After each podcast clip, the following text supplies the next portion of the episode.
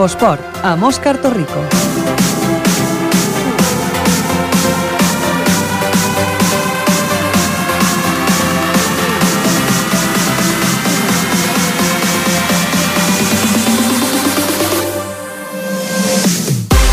Molt bona tarda, benvinguts a l'Infoesport, el programa dels esports a Ripollet Ràdio. Estem aquí un dilluns més per explicar-vos tota l'actualitat del que ha donat de si el cap de setmana i la informació més important dels propers dies pel que fa referència a l'esport. Com sempre, començarem amb el repàs dels marcadors, però avui tenim un programa molt interessant en què tindrem futbol sala, hoquei patins, ciclisme, bàsquet i també doncs, la caminada Ripollet-Montserrat que es farà aquest cap de setmana. Tot plegat ho escoltarem, ens centrarem en aquests temes després del repàs dels resultats, que escoltem ara mateix.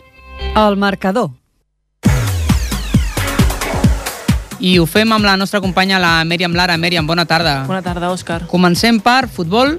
Exacte. A la segona catalana, El club de futbol Ripollet 3 premia de dalt 1. El Ripollet es va retrobar amb el triomf quatre jornades després i va deixar el premià QE. El Maramencs es van posar per davant el marcador, però un autogol i dues dianes d'Abdel van capgirar el resultat i mantenen a l'equip setè a la classificació. a la tercera catalana, Marina 1, Pajaril 2. Dos gols d'Eros Blanco i Ismael Chamón a la segona part van permetre al Pajaril sumar 5, par 5 partits seguits sense perdre i, afian i afiançar-se a, la, a la zona tranquil·la de la classificació, en la vuitena posició. Per cert, que aquest partit va acabar amb una tangana en l'últim minut, en el temps de descompte, perquè el Marina, l'equip local, doncs, no va saber perdre, es jugaven al descens, algunes de les opcions de descens, i va acabar una tangana que la veritat és que la, la violència d'aquestes situacions ja ens eh, cansem massa de repetir-ho, que no es poden continuar veient als camps, però bueno, les coses continuen igual. Continuem a la tercera catalana, Mèriam, amb el Penya Barcelonistes en Saloni 2, Escola Futbol Base 0. L'escola manté la seva mala ratxa a domicili i suma quatre partits seguits lluny del camp de l'Industrial sense guanyar. Així, el conjunt de Guillermo Andrés baixa un lloc a la classificació fins a la vuitena posició. A la quarta catalana, Can Mas 1, Mirasol Bac Unió 4. El conjunt de Sant Cugat no va tenir problemes per emportar-se els 3 punts del Ripollet. El Can Mas sumava així la setena derrota consecutiva i es manté avantpenúltim a la classificació. Seguim a la quarta catalana, Santa Maria Moncada 1, Escola Futbol Base Ripollet B 2. Dos gols de Dani González a la segona part del partit van certificar una remuntada per al segon equip de l'escola, que sumava així el segon triomf en, en 22 jornades. Anem cap al futbol femení, segona catalana. L'escola futbol va ser femení 5 fins Granollers 0. L'escola no va tenir problemes per superar el quart classificat. L'equip va jugar contra 9, 9 jugadors durant una hora per una doble expulsió visitant i ho va aprofitar.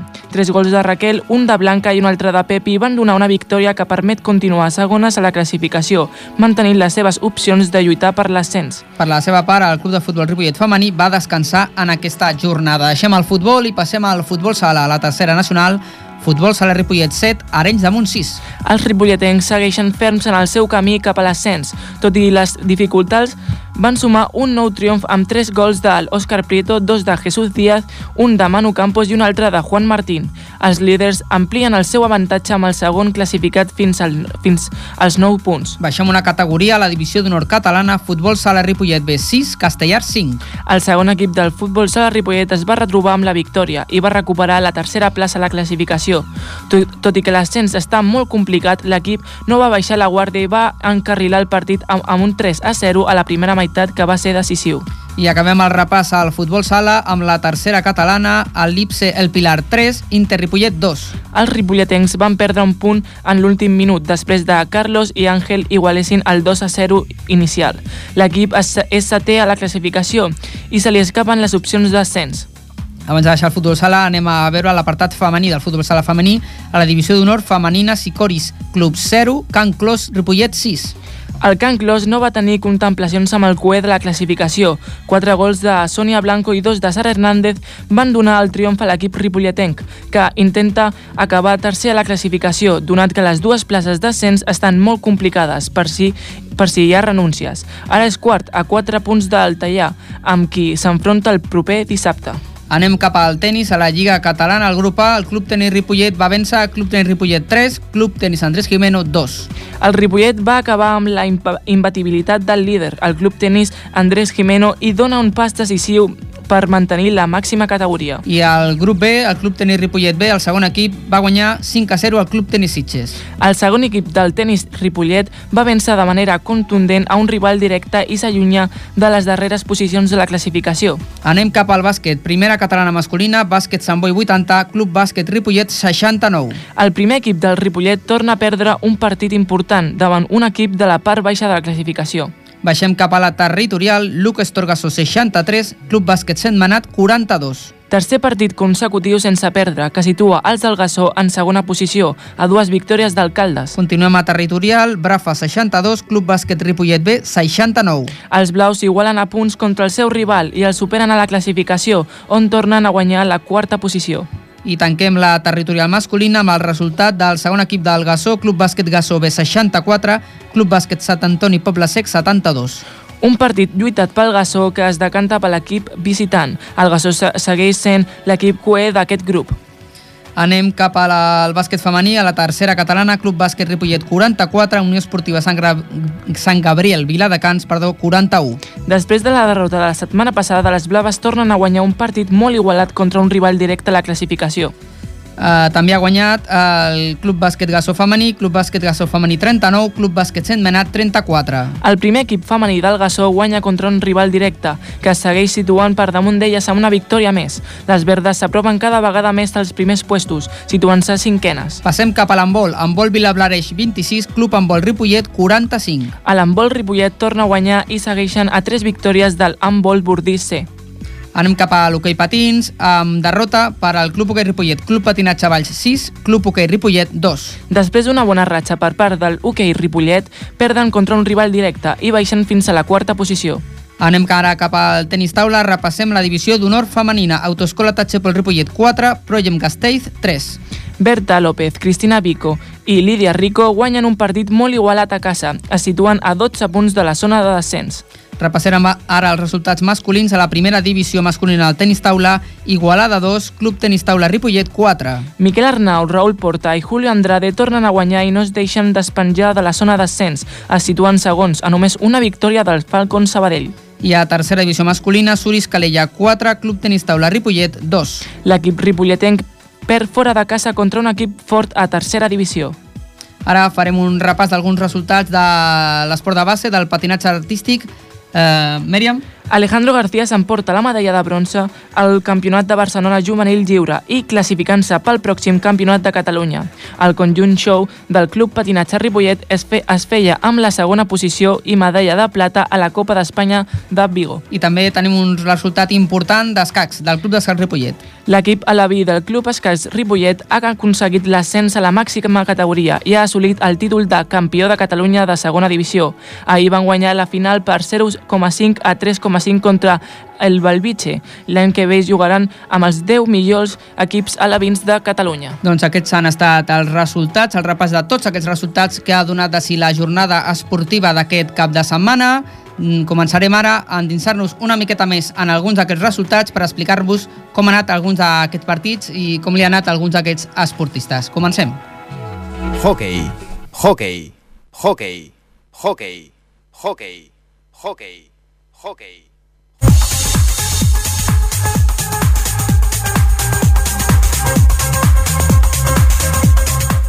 Doncs aquest repàs el començarem amb el Club Hoquei Ripollet, que aquesta jornada tenia un partit molt, molt important, un partit vital gairebé eh, al camp del Club Pativalls, un rival directe en la lluita per l'ascens. De fet, el Club Pativalls és l'equip que estava immediatament bueno, dos jocs per sobre a la classificació del Club Hoquei Ripollet, però que és l'equip que, que tanca el que seria l'ascens. Primer Molins de Reiva, i després el Club Pativalls. Aquests dos equips serien els que pujarien a la classificació i per tant el Ripollet, que anava quart, s'enfrontava al Valls en un partit que era decisiu pel devenir de la temporada. Tenim a l'altre costat del telèfon, em sembla, el Jordi Mestres, el capità del Club Hoquei Ripollet. Jordi, bona tarda. Molt bona tarda. Doncs no va poder ser, no? Derrota i sembla que, que s'han acabat les aspiracions per intentar pujar. Doncs sí, malauradament sí. Vam, vam patir una derrota inesperada i que no, que no entrava en els nostres plans, però, però la veritat és que va ser un partit molt complicat i, i teníem les poques esperances que ens quedaven ja es van esveir. Uh -huh. uh, uh, veu mantenir el marcador igualat a la primera part, però què va passar a la segona? Doncs bé, va ser un cúmul de circumstàncies, un, un mal arbitratge amb el, amb el que ja hi comptàvem. Eh, S'ha de reconèixer que ells físicament van estar més forts i ens van superar físicament a la segona part Uh -huh. i, i evidentment més encert de cara a porteria. I Mm. quan passa això no, no pots fer-hi res. Mm. Eh, era un partit, com dèiem, decisiu, no? perquè ja quedaven quatre partits eh, per acabar la temporada i la veritat és que aquí, doncs, amb aquesta derrota, doncs, ja us quedeu a 6 punts del Valls, que és el segon i que seria l'últim equip que pujaria de categoria, i això ja tanca definitivament una mica la, les, les opcions, no?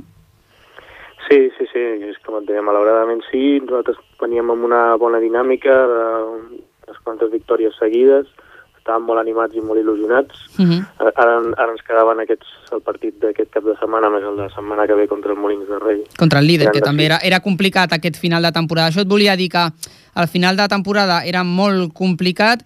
Eh, on creus que ha estat el, el, el punt negatiu de la temporada per no poder arribar en aquest moment decisiu del campionat en més opcions? Doncs bé, mm, mitjançant la primera volta vam tenir, vam tenir un, una baixada eh, entre física i de Mhm. joc en què vam patir dues derrotes que no, no estaven previstes. Bueno, Uh -huh. cap derrota està prevista, no? Però Sí, però bueno, amb el Molins potser estava més... Era més que- normal, no?, sí. perquè estava allà dalt, però, per exemple, el tema de l'empat amb el Mataró no? i la derrota amb el Corbera sí que van fer molt de mal, no?, allà al final d'any i principi d'aquest any. Efectivament, i inclús podríem afegir també la derrota que vam patir al camp dels monjos, Uh -huh. doncs, doncs són punts que se'ns van escapar que no haurien d'haver-se escapat, que si ara, si ara poguéssim comptar amb ells doncs estaríem encara lluitant per, per l'ascens, però, però aquestes derrotes es van fer molt de mal i, i ha estat un lastre que hem estat portant durant tota la temporada. Uh -huh. I per què creus que, que, que, que van venir aquestes derrotes? Ara, eh, ja una mica més en, de, de, després de que ha passat tot i que es pot fer una mica de mirar cap enrere, creus que hi ha alguna cosa que hagi fallat o simplement doncs, que, bueno, que, que és complicat doncs, tenir aquest repte de, de pujar de categoria? No, evidentment, eh, eh, encarar una temporada amb l'objectiu de l'ascens és complicat, perquè has d'estar al màxim nivell en tots els partits i no pots fallar. Uh -huh. I segurament el que ens ha faltat ha sigut això, tenir, mantenir aquesta regularitat durant tots els partits, hem fet partits molt bons, hem sigut capaços de guanyar equips de dalt, i després hem, hem, hem, patit, igual, hem patit derrotes contra equips que no, que no tocava. I és això una mica, la regularitat, també és cert que hem patit baixes de jugadors mitja temporada, Mm. que han marxat, i això, doncs, bueno, una cosa suma l'altra, i, i bueno, tens, tens els resultats que tens. Uh -huh. Ara ja s'ha de, mirar- s'ha de mirar una mica a la propera temporada i crec que és pregunta obligada gairebé. Hi ha molts jugadors que sou molt veterans a l'equip. Eh, seguireu? Com, com veus l'equip? Té continuïtat o...? Doncs la veritat és que no, no t'ho puc dir perquè Mhm. la veritat és que no, no t'ho puc dir perquè no ho sé, no, no perquè no vulgui, sinó perquè, pues això, o sigui, fins ara només ens plantejàvem aquesta temporada, només Mhm. ens plantejàvem ac- assolir l'ascens aquesta temporada i si ho aconseguíem pues ja planificàvem la temporada que ve. Llavors, com, clar, com que no teníem clar fins, a, fins a aquesta setmana no sabíem a quina categoria jugaríem la temporada que ve, doncs no s'ha planificat res encara. -huh. Ara que, que ja sabem que tornarem a jugar a la catalana, doncs, doncs ara començarem a planificar i la veritat és que ara mateix no et puc dir si hi haurà continuïtat, si seguirem quasi tots, si hi haurà molts canvis, Mhm. la veritat és que no ho sé. Doncs ho seguirem a veure com, com afronteu aquesta propera temporada de nou a la segona catalana. Imagino el que, el que segur sí que continuaràs el repte per pujar de categoria, no? per intentar pujar de categoria una altra vegada. Doncs m'imagino que sí, eh, si aquest any hi ha hagut molta il·lusió, és, ha sigut una llàstima que al final se'ns hagi escapat, però, però bueno, la il·lusió no s'ha de perdre i la temporada que ve serà una altra temporada i s'ha de mantenir la il·lusió i si no s'ha pogut aquesta, doncs intentar-ho la següent, per què no?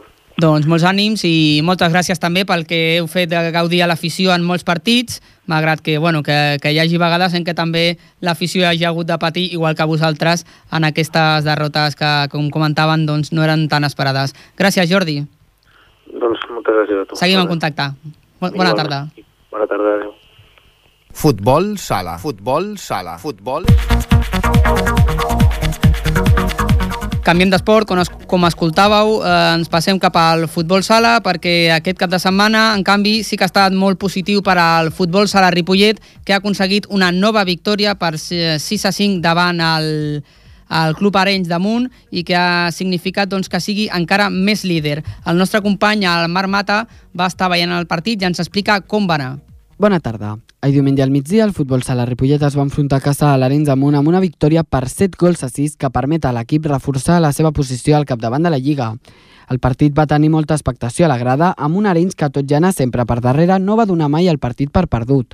Els ripolletens van sortir a per totes sabent que en cas de guanyar ampliarien l'avantatge sobre el segon, després de l'empat dels seus dos seguidors Barceloneta i Parets. Ja en el minut 1 del partit, l'Òscar Prieto va marcar el primer gol local en un xut des de l'àrea i pocs minuts després el mateix Òscar va fer el segon, arran d'una pilota robada.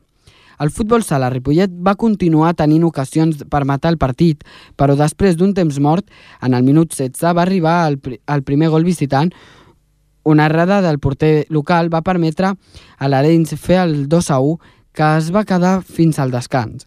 La segona part va ser una bogeria. Juan Martín va marcar el 3 a 1 només començar i l'equip va, va baixar el ritme, fet que van aprofitar els visitants per forçar un final d'infart. Els visitants van escurçar distàncies de nou i el partit es va posar a més dur, inclosa una topada en un, entre un jugador de l'Arenys i el porter local, en una sortida d'aquest. Amb el marcador ajustat, a falta de 3 minuts al final, l'entrenador de l'Arenys va renunciar al porter i això va revolucionar el marcador, ho va aprofitar el Ripollet, marcant Manu Campos al 4-2, però els maresmencs van tornar a reduir la diferència molt ràpid. En Jesús Díaz va marcar el cinquè gol ripolletenc i un minut més tard l'Òscar Prieto va marcar el sisè gol local en un xut des de mig camp i sense ningú a porteria, fet que posava el triomf en safata amb el 6 a 3. Tot i que l'Arenys va marcar el quart, de nou Jesús va ampliar l'avantatge des del mig camp 7 a 4 i dos minuts per davant. Tot semblava fet, però l'Arenys va pressionar molt i en el minut 39 van arribar al cinquè i sisè gols visitants, però ja no, ja no hi havia temps per, per més i arribava al 17è triomf en, en 21 partits. Al final del partit vam parlar amb Sergio Burgos, que ens va valorar la dificultat del partit. Sí, la verdad que ya lo sabíamos, que el Arenys era un equipo que peleaba hasta el final y allí ya nos, nos dieron muchísima guerra y siempre, siempre el equipo este es correoso. Y teníamos una distancia, la verdad es que bastante grande, pero bueno, al final eh, hemos, hemos llevado la victoria por un gol y sufriendo, sufriendo hasta el final. Ha sido un partido difícil, ¿no? Sí, a ver, ha sido un partido de que, de que hemos tenido que sufrirlo, correr muchísimo, porque ya sabíamos que sí que si nos jugamos a nuestro juego, la victoria era fácil, pero la defensa, la verdad es que hoy ha estado un poquito flojita. Y bueno, a trabajar para mejorar. Vais primeros en la tabla con 53 puntos y os habéis enfrentado al, al que va noveno en la clasificación. Os lleváis 20 puntos, ¿cómo veis esta diferencia? Bueno, a ver, eh, es un equipo de media tabla para arriba y la verdad es que es un equipo que siempre ha dado mucha guerra. Después está Barceloneta y Parets, que bueno, son los otros equipos que la verdad es que tenemos que enfrentarnos contra ellos. La semana que viene es contra el segundo, que es Barceloneta, y a ver qué tal. Como acabas de decir, eh, la semana que viene os enfrentáis al Barceloneta, el segundo de la tabla, y con el que os lleváis 7 puntos de diferencia. ¿Cómo lo veis? Bien, bien. A ver, es un equipo que hay que ganarlo y hay que sudar sangre porque si ese partido lo ganamos tenemos buena parte de la liga ganada, ya que estamos a 7 puntos de ellos, pero tenemos un partido menos, que es contra Monsan, que lo jugamos el día 10. Y bueno, si ganamos ese partido de Barceloneta y, y después salimos, salimos a ganar contra Monsan, la verdad es que tenemos media liga en el bolsillo. Aquesta victòria fa que el futbol sala Ripollet es mantingui primer a la classificació amb 53 punts. Aquest proper cap de setmana l'equip s'enfronta al Barceloneta, un equip que va a una posició per sota seu i a qui du 9 punts de diferència. Si no perd, l'ascens estarà en un pas. Doncs moltes gràcies, Marc, eh, que ens ha explicat aquesta important victòria del futbol sala Ripollet. Continuem. L'entrevista.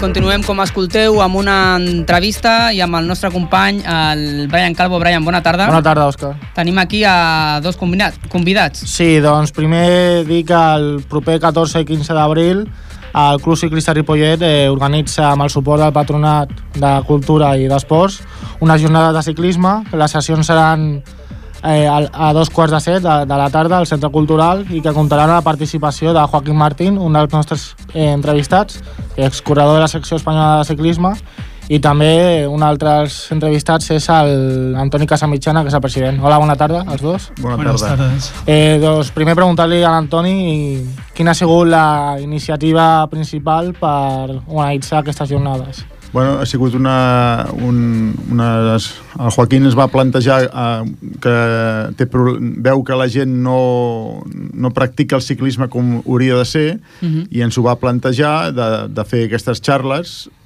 en dos dies una dedicada més carrer als iniciats i l'altra més als que ja són més eh, estan més eh, posats dins el, del ciclisme. Uh -huh. Parlant una mica de, de l'estructura del club, quin és el paper que té Joaquín a, en ell? Joaquín és un, és un soci del club i ens, el paper que té és que té molta experiència i, i molts quilòmetres a les cames.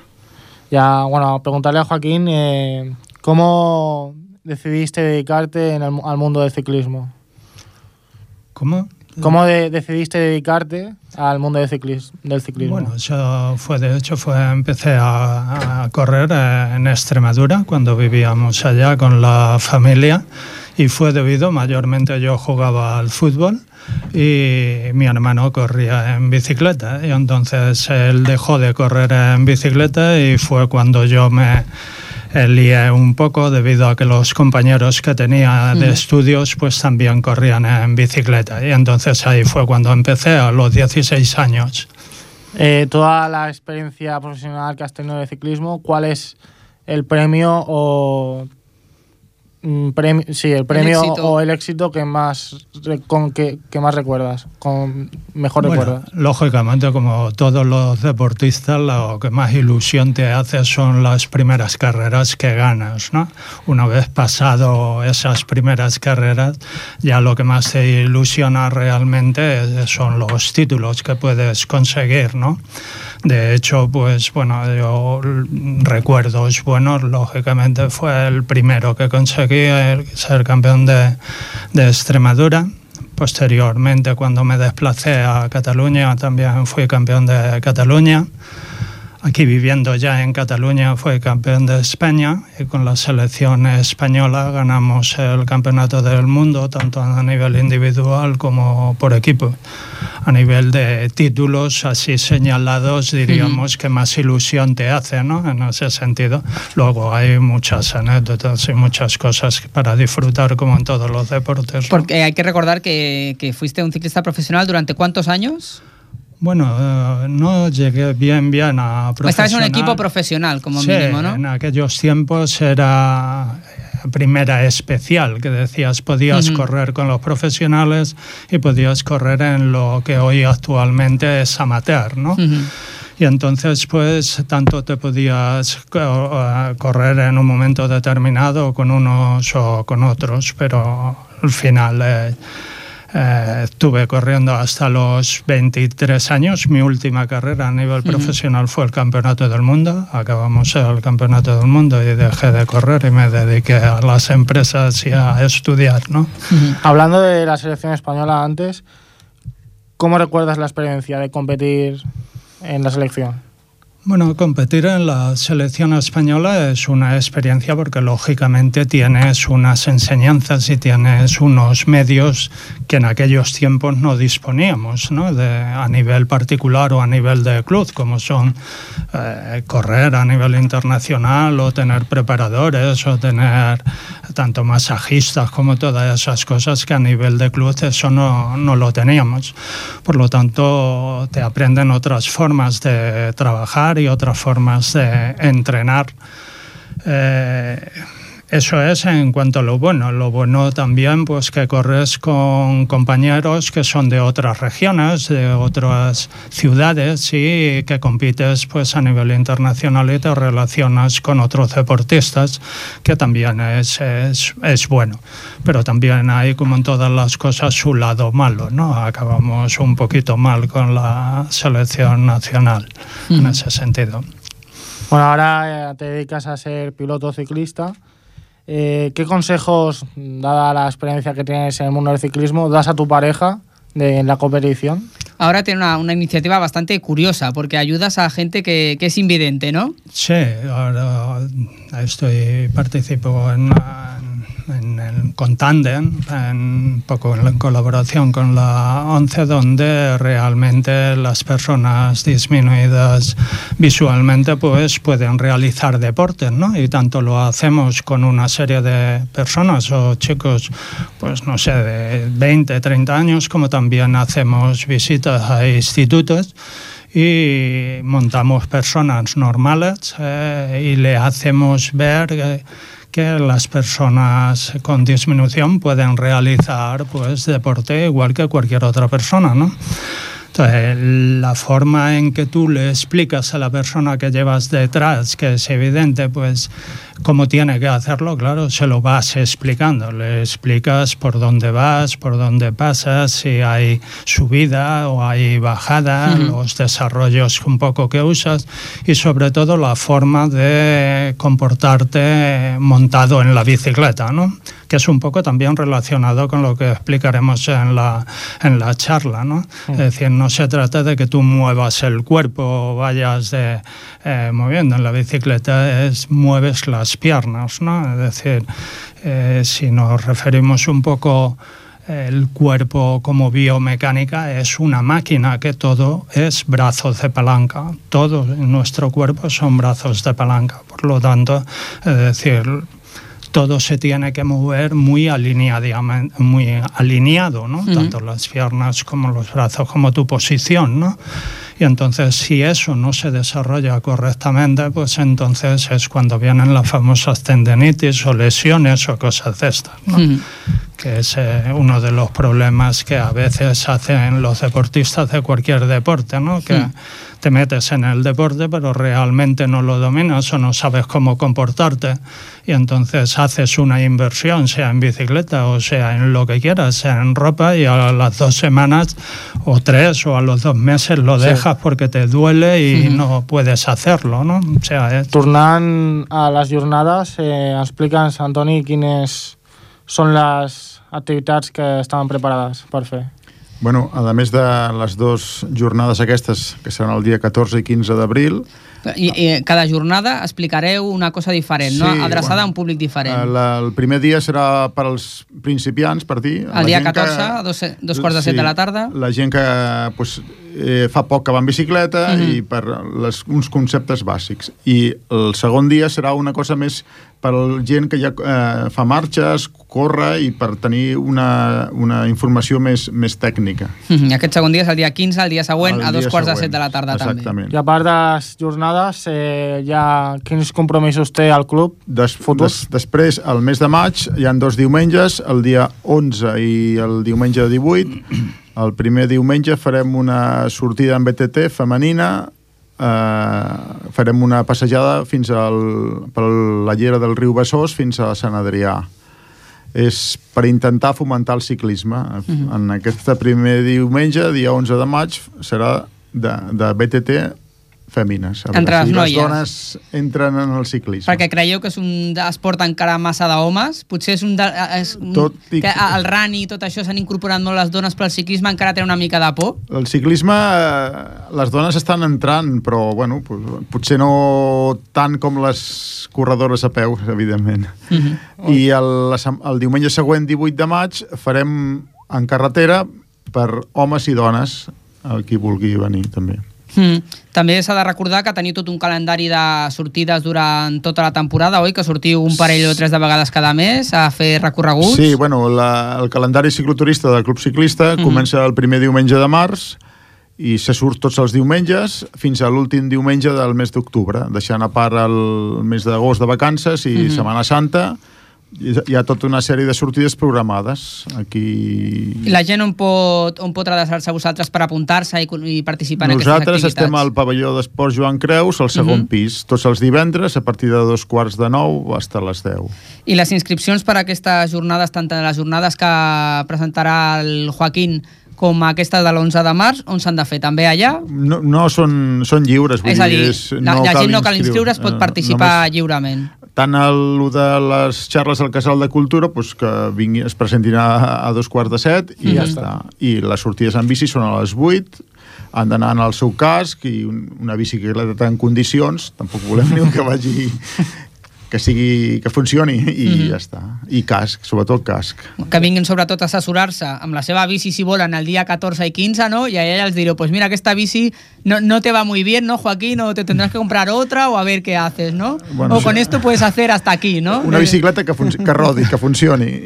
No, la única cuestión es decir, la- en la charla hay una parte que es qué es lo que deberíamos de hacer Ujú. cualquier persona antes de comprarte la bicicleta. Que eso también es muy importante. Lo que hay que Y valorar y lo que- y si te la has comprado ya, lo que debes de hacer para poder empezar a caminar con ella, ¿no? Es decir, tienes todas tus versiones, como también muchas de las cosas que explicaremos es eh, factible para cualquier deporte en general. Sí, sea, cosas que sirven para personas que hacen otro tipo de deportes que también requieren de una actividad deporte. física. Pues os emplazamos a todos los oyentes a que, a que participéis, a que acudáis a estas jornadas el 14 y 15 de abril en el Centro Cultural a las seis y media de la tarde, ¿correcto? seis y media de la sí. tarde. Allí, pues Joaquín y el Club Ciclista pues nos ayudarán a entender un poquito más el mundo de la bicicleta.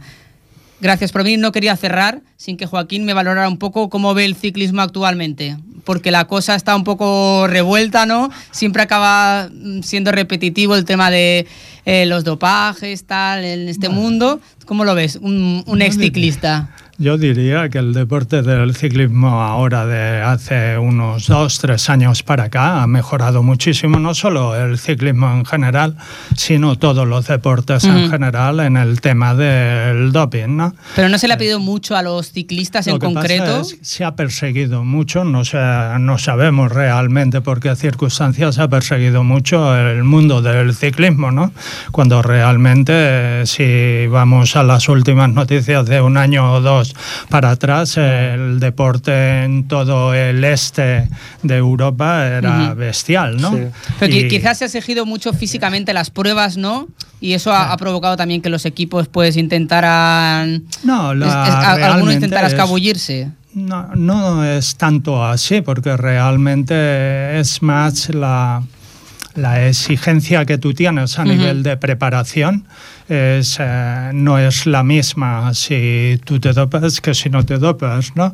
Es decir, la exigencia es distinta Claro, y la preparación hay, es distinta. hay algunos deportistas, como el, bueno, el ejemplo más claro, Armstrong, que ha justificado el doping para ganar. Es decir, que sin, el sí, doping no, es, no se gana. En Alemania, todos los futbolistas, desde Beckenbauer para todos Sí, los sí. demás, hace poco salió un informe de un doping programado durante 10 años ah, en el fútbol, el rey de, de España, ¿no? Sí, Lo es decir, que en, to- en todas casas cu- cuecen habas, ¿no? Que Sí, se sí. dice el refrán. Lo que pasa que eh, para el ciclismo nos tocó la parte mala, ¿no? Pues- Y ahora yo creo que está en una época muy buena, tenemos muy buenos ciclistas y ahora lo que necesitamos es que la gente practique la bicicleta porque Mm.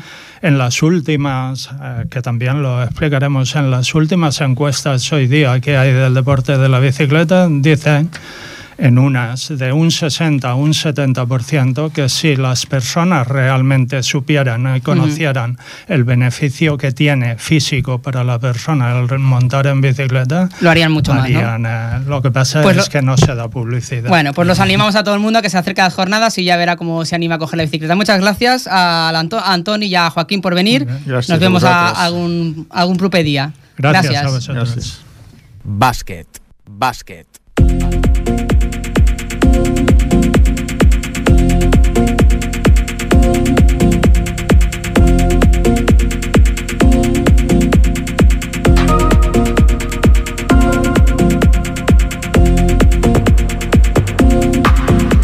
Doncs com escoltàveu, continuem amb l'esport de la pilota, amb el bàsquet, i ho fem amb la nostra companya, com és habitual, l'Ester Catalán. Ester, bona tarda. Bona tarda, Òscar. Ens explicaràs com ha anat la jornada pel Club Bàsquet Ripollet, que no ha estat bona.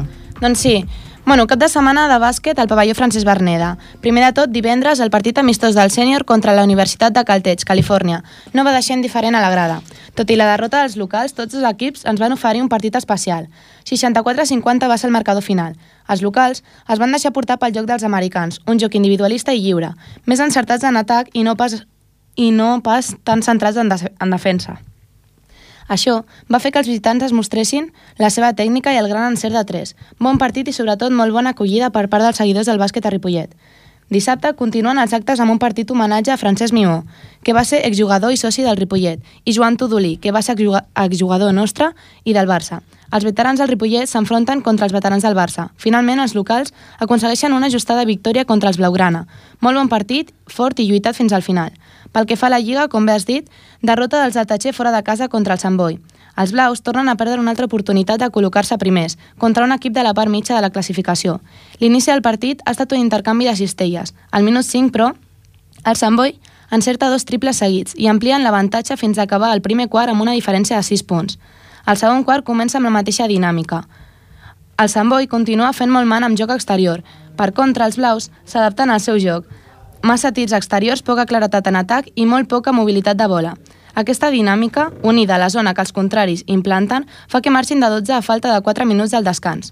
Els Atatxe intenten remuntar i retallar la diferència. Augmenta la intensitat defensiva i comencen a jugar amb més pivots i movent més la bola. Així aconsegueixen retallar la diferència a només 5 punts en contra. Al tercer quart, intenten aguantar a prop al marcador, però només els 5 primers minuts. Després, a poc a poc, el Sant Boi torna a dominar, aquesta vegada trencant la defensa amb penetracions. El joc anàrquic individualista dels blaus, amb només dos minuts bons del pivot Gerard Moreno, ha deixat el marcador a 8 punts per començar l'últim quart. Als darrers 10 minuts, el Ripollet ha intentat remuntar, tot i que el partit ja estava perdut. Cada cop que els blaus s'han apropat al marcador, el Sant Boi ha notat un parell de contraatacs seus i han acabat de sentenciar el partit. A falta de 3 minuts, un triple i un contraatac dels contraris han marcat la diferència d'11 punts. 80-69 ha estat el marcador final. Els blaus tornen a perdre una bona oportunitat i es col·loquen cinquens, empatats contra el Tanino Cerdanyola que va quart. Hi ha només un partit del líder. Aquest cap de setmana s'enfronten contra els segons, el Viladecans. Aquesta jornada vinent es veuran les cares tots els equips de la part alta de la classificació. És, per tant, molt important aconseguir la, la victòria, per tal de no despenjar-se de la Lliga i mantenir-se en possibilitats de lluitar per pujar a Copa. Doncs moltes gràcies, Esther. La veritat és que sí que és un partit molt important, tots els que resten, la, la veritat, perquè després d'aquestes dues errades últimes, doncs l'equip ja no es pot permetre més errades si vol estar allà lluitant per l'ascens. Gràcies, Esther. Bona tarda. Bona tarda. Continuem. Infosport. I continuem eh, explicant-vos una activitat que tindrà lloc aquest cap de setmana de la mà de la nostra companya Mèriam Lara una altra vegada. Mèriam, bona tarda. Bona tarda, Òscar. Explica'ns. Eh, com cada any, el Centre Excursionista de Ripollet organitza la caminada Ripollet-Montserrat. La caminada se celebra aquest diumenge 6 d'abril. Els participants sortiran de l'Ajuntament la, de, de Ripollet i remuntaran el curs del riu Ripoll és una de les activitats més importants del centre excursionista. Enguany arriba la 27a edició, amb molt bona acollida no només pels ripolletens, sinó també per persones dels pobles veïns. La inscripció es, es pot fer personalment a la recepció del Centre Cultural de Ripollet durant aquesta setmana fins al dissabte. Els preus de les inscripcions són de 10 euros pels socis sense autocar i de 16 amb autocar, i pels que no són socis, 12 euros sense autocar i 18 amb autocar. Amb la, amb la inscripció es té dret a un full amb la ruta que es realitzarà, informació sobre el recorregut i una samarreta, i a més a més una acreditació per a aquells que acabin en un temps rècord. Aquesta caminada pretén apropar la gent a la natura i donar a conèixer el, paisa el paisatge de Catalunya, en essencial una de les muntanyes més importants del relleu català. Doncs moltes gràcies, Esther, per aquest repàs. Us convidem a tots a que durant aquesta setmana per la tarda i també el dissabte al matí de 10 a 1 us podeu inscriure en aquesta caminada eh, Ripollet-Montserrat. He dit Esther i ets Mèriam, eh? No encertaré mai cap. Vinga, continuem. Gràcies, Mèriam. Bona tarda. Febre d'esport.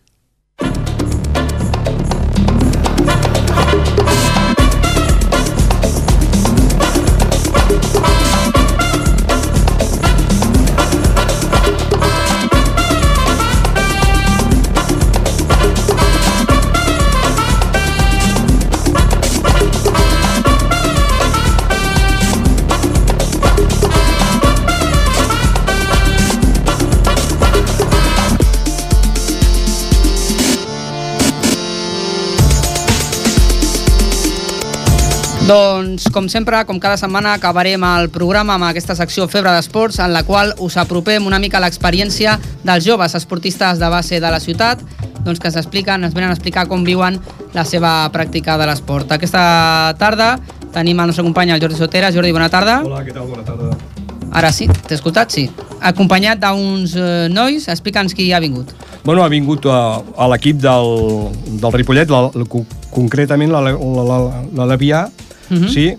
I bueno, pues, jo crec que és una sort tenir-los perquè tenir un grup de nanos així que, que ens poden dir moltes coses és sempre molt interessant. Vinga, els presentem els noms, el Sergi, l'Iker, el Martí i el míster, que és el David o Pitu, no? Coordinador. Coordinador. Coordinador. Bona tarda a tots. Bona tarda. Hola, bona tarda. Anem a veure, sí, comencem, Òscar, amb les preguntes. Vinga, és una sort, ja dic, uh, és una suerte, prefieren hacerlo en castellano, es una Muy suerte bien. tener a estos chavales. A mí me encanta hablar con ellos. Y la primera pregunta, yo os diría, cuando vosotros cogéis la bolsa para ir a entrenar, ¿con qué motivación lo, hace- lo- lo hacéis? Podéis responder el que quiera. ¿eh? ¿Qué, es- qué esperáis vosotros del entrenamiento? Cuando cogéis un martes o un jueves o un viernes, el día que entrenéis, vosotros cuando salís de casa, ¿qué es lo que esperáis del día aquel, de aquella sesión de entrenamiento? Pues ir a aprender y divertirse. Y más, solo esto, aprender y divertirse Que no es poco, ¿no? Y hacerlo bien y con ganas. y con ganas. Perfecto. Martín no ha respondido. El- ¿Añades algo o no? Bueno, elevar el nivel del fútbol, Eh, que es lo que buscamos. O sea, elevar tu nivel, tu nivel técnico, táctico de comprensión del juego, ¿sí? Aquí hay una pregunta que sería divertida para los papás. La gente que hay fuera del terreno de juego, en muchas ocasiones da instrucciones. El papá, el tío, el amigo, el amigo no dice ni pío.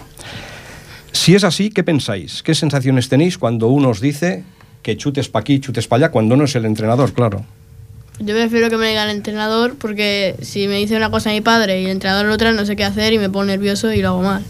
Y en el caso tuyo, si tu padre lo ha hecho alguna vez, ¿le has dicho luego, acabando el partido, que esto... Algunas veces cuando he acabado sí se lo he dicho. En el caso vuestro, Yo, Sí, lo mismo, lo mismo. ¿os ha ocurrido? A, mí, a mí me ha ocurrido y no le hago caso, yo siempre hago caso Claro. entrenador. Es que esto es importante decirlo. Esto es una pregunta que parece tonta, pero no lo es, porque los papás están escuchando, ¿sí? Y esto es muy importante. A mí me pone especialmente mm, de mala gana. ¿Por qué? Porque cuando eres entrenador y tú tienes órdenes que dar, órdenes que se dan durante la semana, si, si aquí metemos un personaje que no toca, como es el papá o el abuelo, desde luego no estáis lo cómodos que... ¿Qué creéis que es más importante cuando estáis jugando un partido de competición? Nos- estam- estamos jugando un partido, ¿sí? ¿Qué es lo más importante para vosotros? O lo que creéis que, que espera el entrenador de vosotros en ese momento cuando estáis ahí en el campo. Que lo hagamos bien y que nos divirtamos y... Sí, sí, pero, pero en el partido, ¿qué es lo más importante? Yo creo que lo más importante, antes lo hablábamos con Pitu, es entender de qué va el juego. ¿Puede Y ser Pitu esto? también puede hablar, ¿eh? Venga, David.